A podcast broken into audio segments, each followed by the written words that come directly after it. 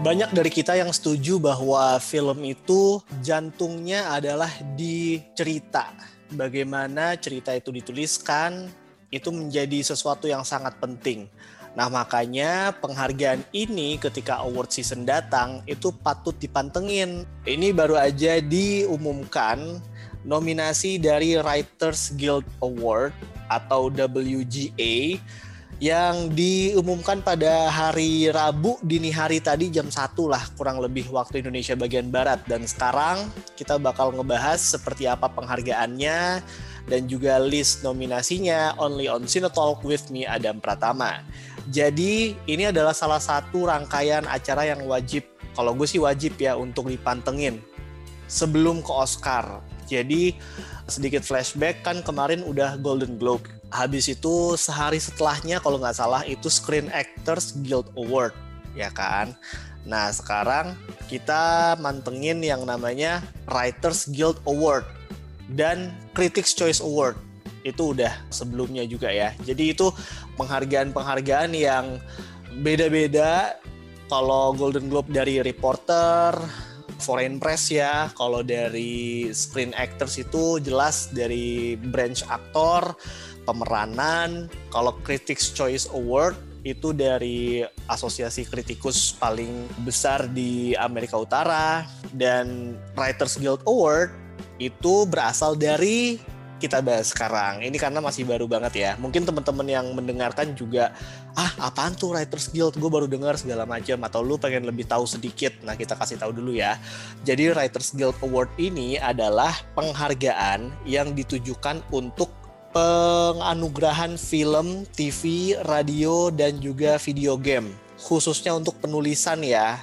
Jadi penulisan dari karya-karya seni tersebut dianugerahi baik yang bentuknya fiksi maupun non-fiksi.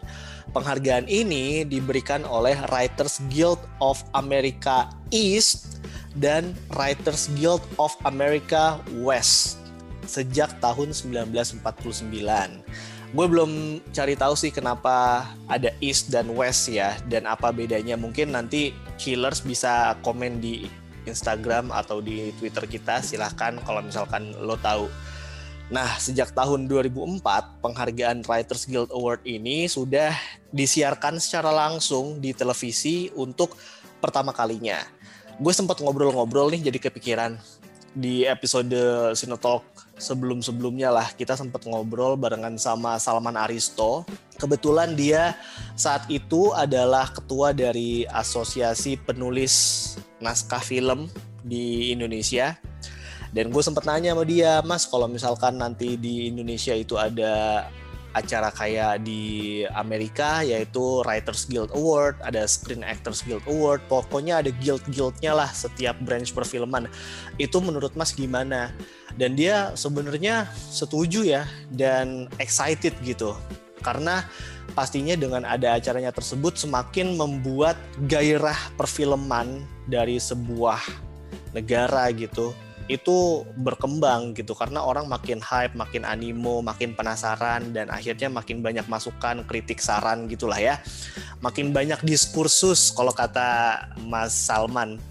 Di situ dia mengatakan setuju-setuju aja cuman di Indonesia sendiri masih banyak nih PR yang perlu dikerjakan untuk membuat penghargaan khusus branch seperti itu. So far kita baru punya Indonesian Movie Actors Award kalau nggak salah itu istilahnya kalau di Amerika seperti Screen Actors Guild Award. Kurang lebihnya seperti itu. Tapi kalau untuk Writers Guild Award atau WGA di Indonesia belum ada padanannya seperti itu Chillers. Nah, di sini ada juga beberapa hal yang perlu kita perhatikan jadi WGA itu merupakan penghargaan yang memberikan penganugerahan kepada skenario yang dianggap outstanding kan, baik dalam bentuk adaptasi ataupun orisinil dan juga dokumenter. Jadi ada tiga kategori lah untuk pengumuman setiap form gitu. Kalau ini kita bakal ngebahas soal form film gitu, bukan series ya. Kita ngebahas yang film aja. Itu ada yang adaptasi, orisinil dan dokumenter.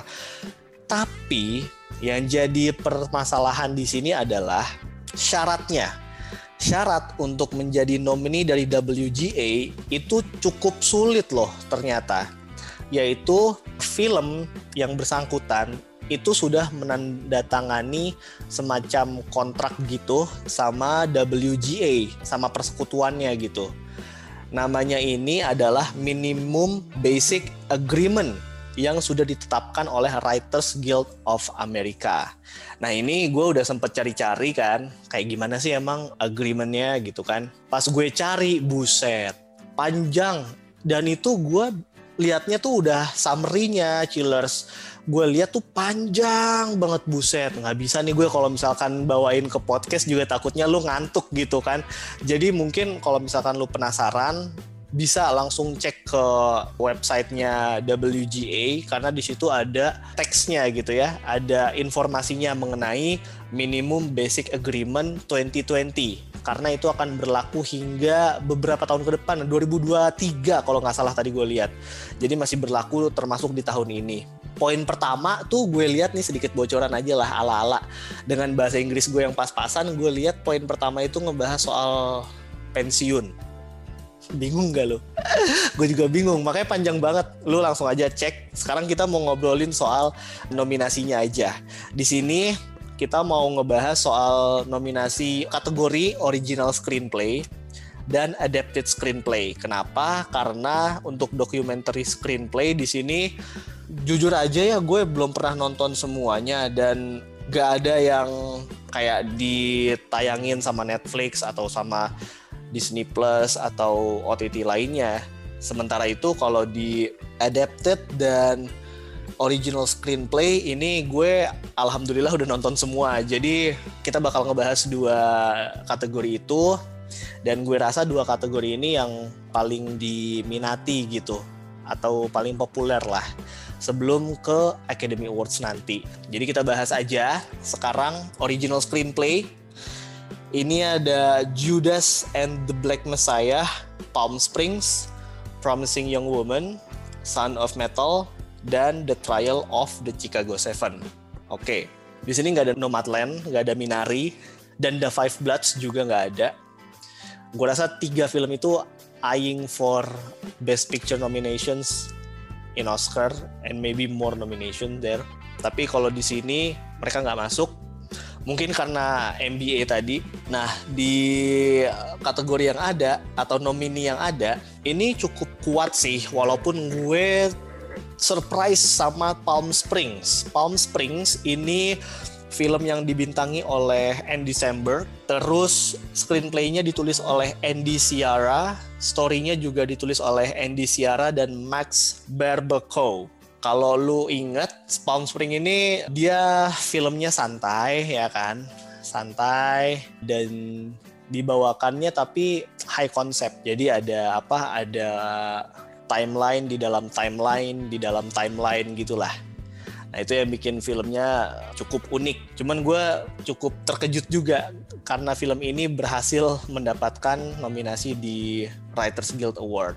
Kemudian untuk film-film lainnya, gue rasa The Trial of Chicago Seven bakal jadi unggulan sih. Karena ditulis bener-bener oleh Aaron Sorkin, screenplay dari dia, storynya juga dari dia, mengangkat hal yang relevan banget saat ini, yaitu bagaimana kita bereaksi terhadap sesuatu yang tidak patut, tidak adil gitu kan. Dan di sini juga kita bisa melihat bahwa kisahnya kisah nyata itu poin plus banget menurut gue.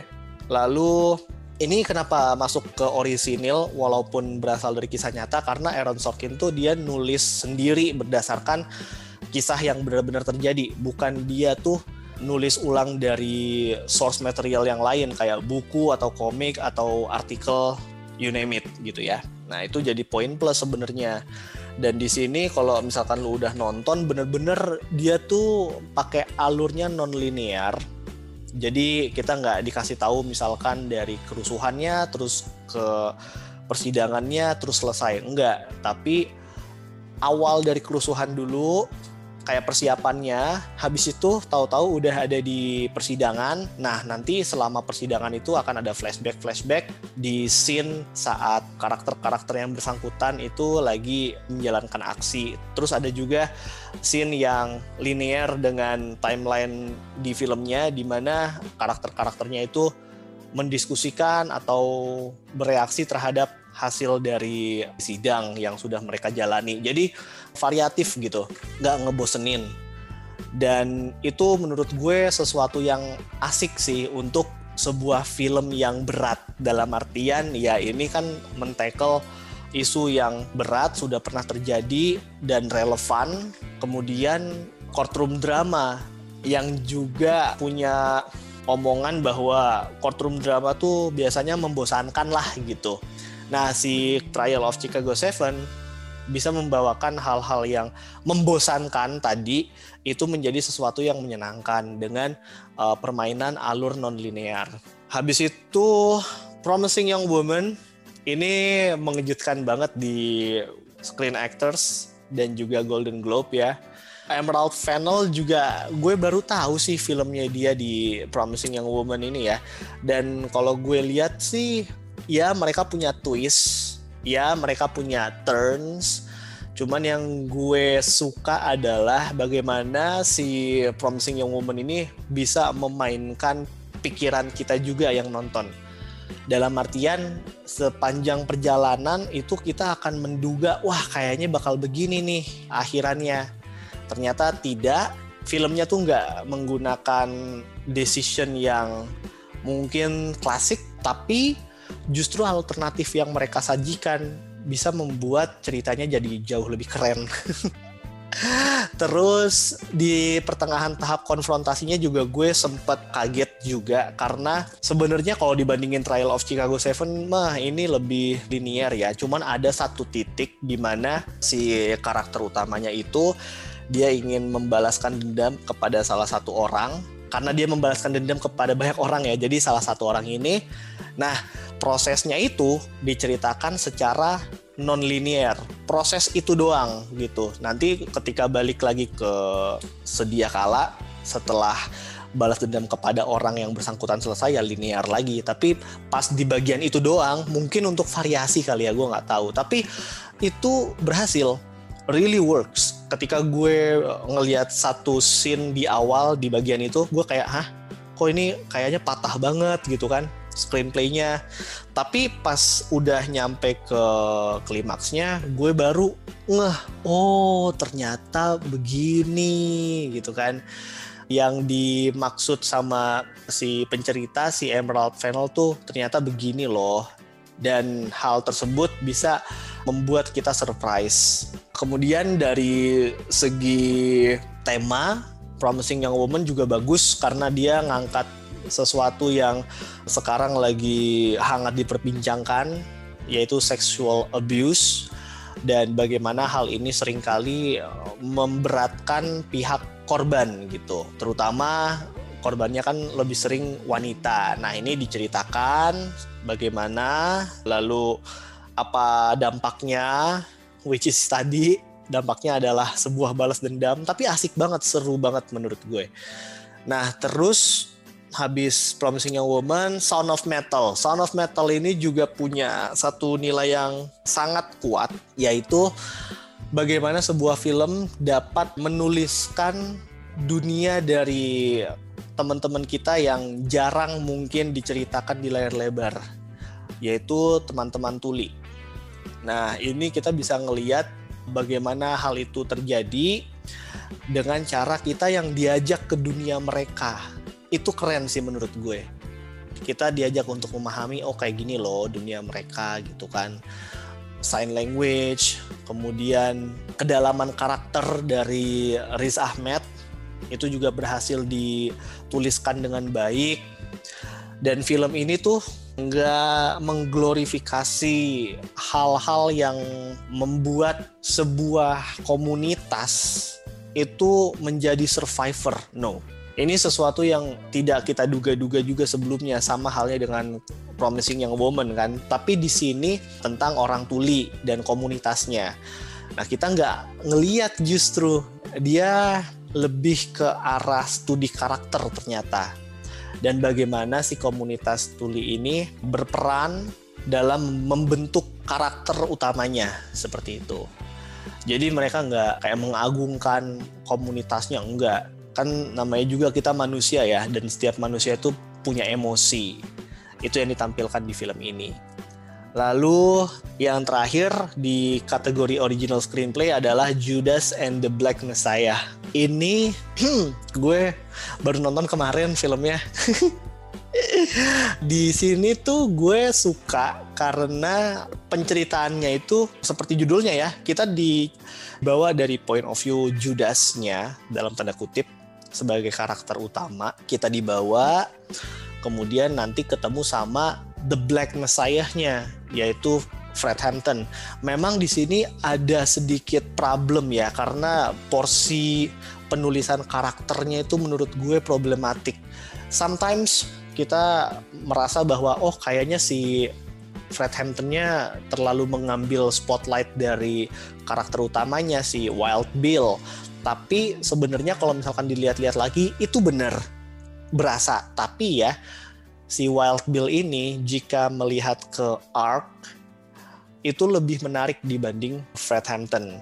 Cuman tetap Fred Hampton ini berhasil ditampilkan dengan baik oleh Daniel Kaluuya. Terbukti dia dapat nominasi di Screen Actors dan juga Golden Globe dan film juga mampu memberikan input lainnya kepada Fred Hampton dalam artian kita tuh nggak cuman tahu oh Fred Hampton itu si pemimpin Black Panther yang sifatnya tuh begini begini begini nggak nggak hanya itu maksudnya jadi nanti akan ada bagaimana Fred Hampton itu berurusan dengan hal-hal eksternal seperti itu chillers. Jadi itu ya tadi ya. Original screenplay ada Judas and the Black Messiah, Palm Springs, Promising Young Woman, Sound of Metal, dan The Trial of the Chicago Seven. Oke, okay, moving on to adapted screenplay category. Kita punya Borat 2. Borat masuk cuy. Borat 2, terus Marainis Black Bottom, News of the World, One Night in Miami, dan The White Tiger. Oke, okay, gue paling terkejut sebenarnya sama The White Tiger. Film ini baru rilis di Netflix bulan lalu, jadi masih anget banget. Lu tonton aja. Kem apa ya? Mengingatkan kita sama Parasite, tapi dengan kearifan lokal India ya. Dan ini pas banget sebenarnya kalau ngomongin soal kelas, perbedaan kelas segala macam karena dari film itu juga mereka memanfaatkan luxury geografisnya. India itu terkenal dengan sistem kasta kan. Nah, itu bisa kita lihat banget di film ini dimainin banget dan disimbolisasikan dengan ayam yang ada di kandang. Jadi siap untuk dipotong, tapi si ayamnya sendiri nggak melawan. Nah, itu salah satu highlight dari penulisan The White Tiger. Mereka menganalogikan karakter yang sudah ada di kasta bawah itu dengan ayam yang ada di dalam kandang. Kemudian di sini juga kita bisa melihat bahwa filmnya itu satir ya, satir iya, kemudian dilandasi oleh kemarahan juga iya dan somehow feel feelnya itu feel penulisannya juga gak yang terlalu dramatik gitu loh. Jadi enak untuk diikuti ya kayak Parasite lah cuman versi India gitu menurut gue dan film ini juga berhasil mendapatkan nilai yang bagus di Cineverse ID karena The White Tiger itu mendapatkan 92% top di jajak pendapat dan 7,5 dari 10 skornya yang diberikan oleh kontributor. Berikutnya kita mau ngebahas Borat. Borat kedua. Ini udah lama juga ya. Borat pertama kan tahun 2006. Jadi lo hitung deh berapa tahun setelah film pertamanya ya. Jadi di sini Borat itu kembali lagi ke Amerika dan dengan membawa anaknya untuk dijadikan sebuah bribe. Bribe dadakan itu juga kan. Jadi di sini gue ngeliat bahwa Borat itu merupakan contoh yang oke okay dalam sebuah sequel. Karena stakes-nya makin tinggi ya kan? Dan mereka juga punya karakter baru ya anaknya Borat. Dan anaknya Borat ini pun dituliskan bukan hanya sebagai pendamping tapi juga dia punya waktunya sendiri untuk mengembangkan karakternya dan juga untuk bersinar lah seperti itu. Habis itu di sini juga risiko yang mereka ambil untuk filmnya sendiri lebih tinggi tentunya dibanding risiko film pertama dan sebenarnya dengan membahas lebih ke arah politik Borat kedua ini memiliki risiko yang paling tingginya di situ sebenarnya risiko paling tingginya tuh sebenarnya bukan di Rudinya doang, tapi di bagaimana mereka ngomongin soal politiknya, soal Trump, ya kan, soal bagaimana negara Amerika Serikat itu terbelah gitu kan? Dengan mereka juga menuliskan lagu Wuhan Flu. Itu itu gila banget sih emang si Sacha Baron Cohen itu. Tapi gue jadi inget sama salah satu tweetnya dia yang bilang bahwa kesamaan dari Borat dan juga Trial of Chicago Seven itu adalah bagaimana kita itu bereaksi terhadap hal-hal yang kita rasa salah gitu dengan cara masing-masing. Kalau tadi gue udah bahas Trial of Chicago Seven lewat Aaron Sorkin, dia membuat cerita yang dramatik, tapi asik. Nah, kalau Borat kan dia udah asik ya, udah lucu, ya udah gitu. Mungkin coba disesuaikan dengan konteks yang ada aja, yaitu konteks politik, which is balik lagi seperti yang gue bilang sebelumnya, lebih beresiko. But they take it and they embrace it. Kemudian di berikutnya ada Marainis Black Bottom. Ini screenplaynya ditulis oleh Ruben Santiago Hudson dan didasarkan dari sebuah pementasan teater ditulis oleh August Wilson. Ini adalah film yang menjadi perpisahan bisa dikatakan ya sama almarhum Chadwick Boseman dan dia bermain sangat bagus di sini. Dia dapat penghargaan juga kan di Screen Actors di Golden Globe juga. Jadi menurut gue Marines Black Bottom ini memberikan sebuah cerita tentang eksploitasi. Eksploitasi kaum minoritas, terutama di bidang seni ya. Karena ini kan dia ceritanya tentang bandnya Maraini yang lagi rekaman gitu.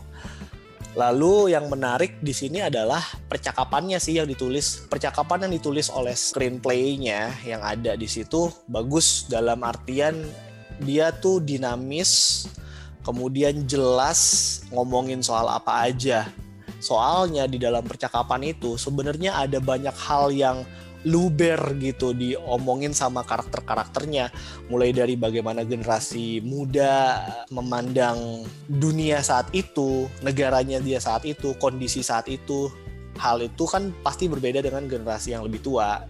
Kemudian soal mimpi, ambisi, banyak sih banyak hal yang diomongin di situ. Dan akhirnya tetap yang paling berasa adalah eksploitasi seperti itu di film Marainis Black Bottom.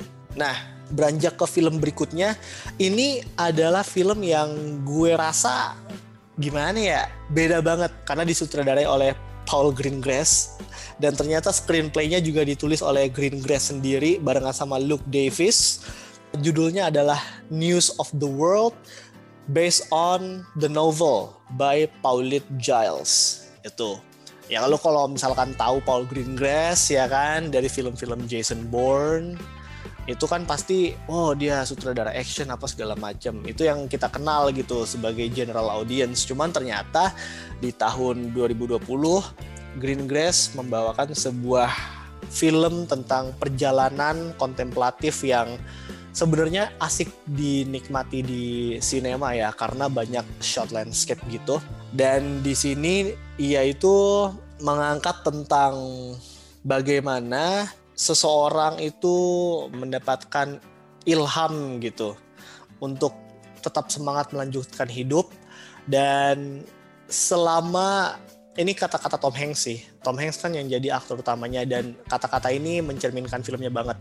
Selama rasa cinta dan kasih sayang itu masih ada, maka semuanya akan baik-baik saja.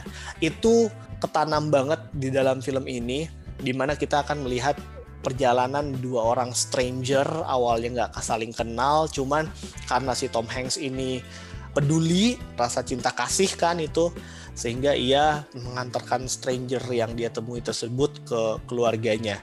Asik sih filmnya cuman dari lima nomini ini gue sih paling gak nyangka News of the World itu bisa masuk gitu ya. Nah yang terakhir ini adalah One Night in Miami. One Night in Miami ini bercerita tentang empat orang tokoh dari Amerika Serikat, tokoh kulit berwarna. Mereka itu ada Muhammad Ali, masih bernama Cassius Clay.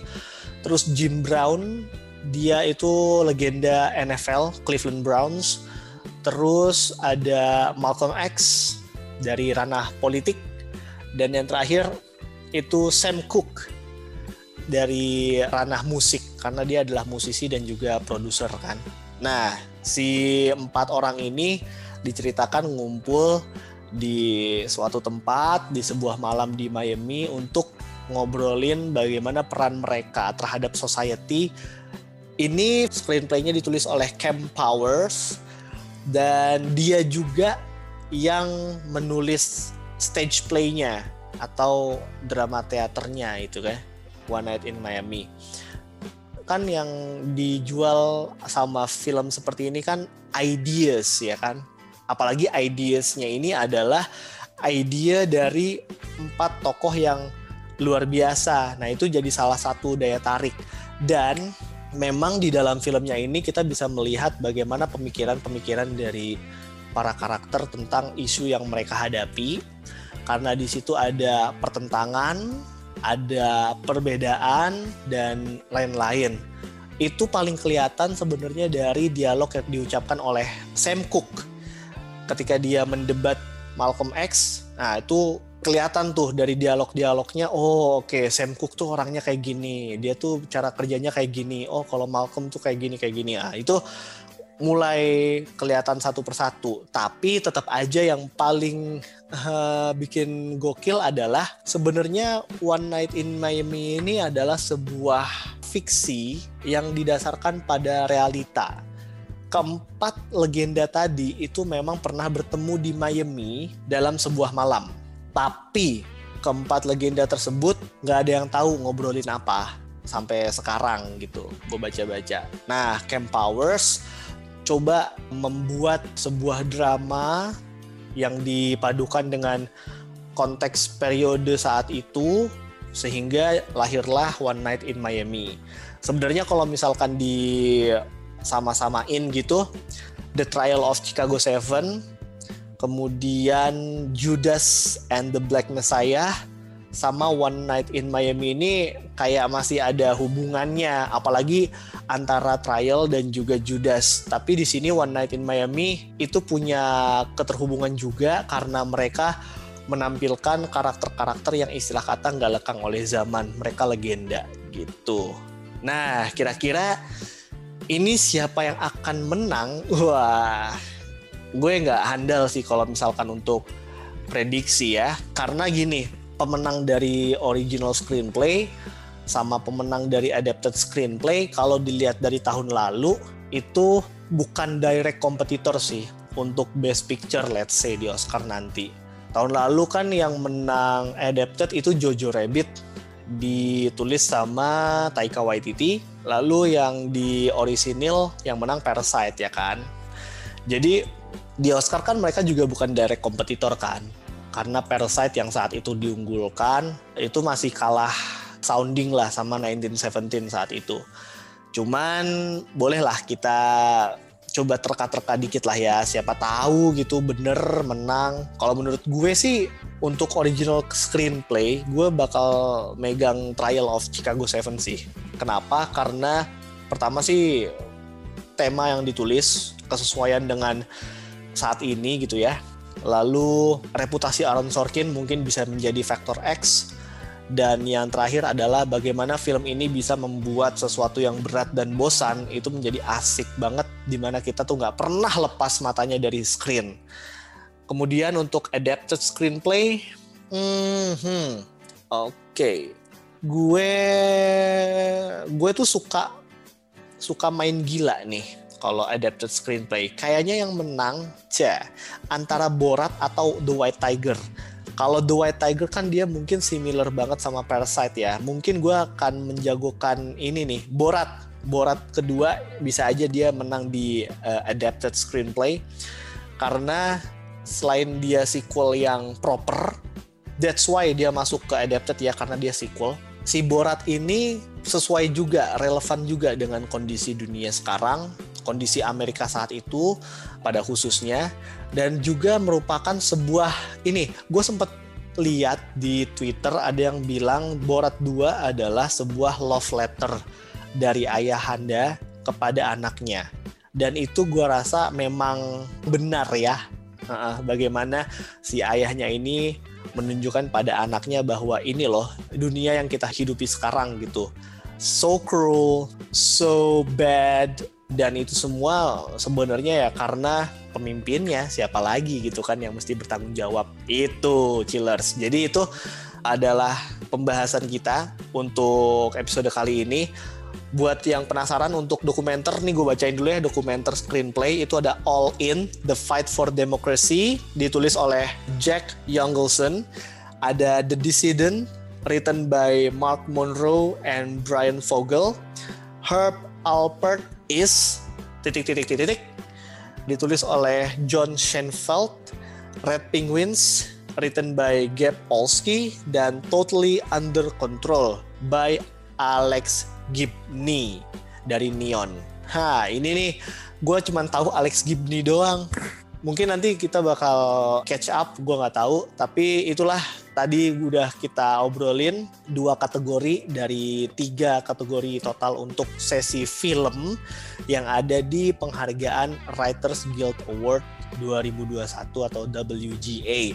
Persembahan dari Writers Guild of America East dan Writers Guild of America West. Jangan lupa untuk dengerin episode-episode lainnya di Cinetalk. Lo bisa dengerin di Spotify kita. Dan follow juga sosial medianya Cineverse ID di at Cineverse underscore ID untuk Twitter, at Cineverse.id di Instagram, dan juga TikTok apakah kita akan punya clubhouse ke depannya? Gue nggak tahu, tapi cukup menarik. Siapa tahu gue bisa ngobrol soal ini sama kalian di forum clubhouse kan. We will see the opportunity. But for now, gue signing out dulu. Thank you banget udah dengerin dan bye. Sampai ketemu di Senetalk episode berikutnya.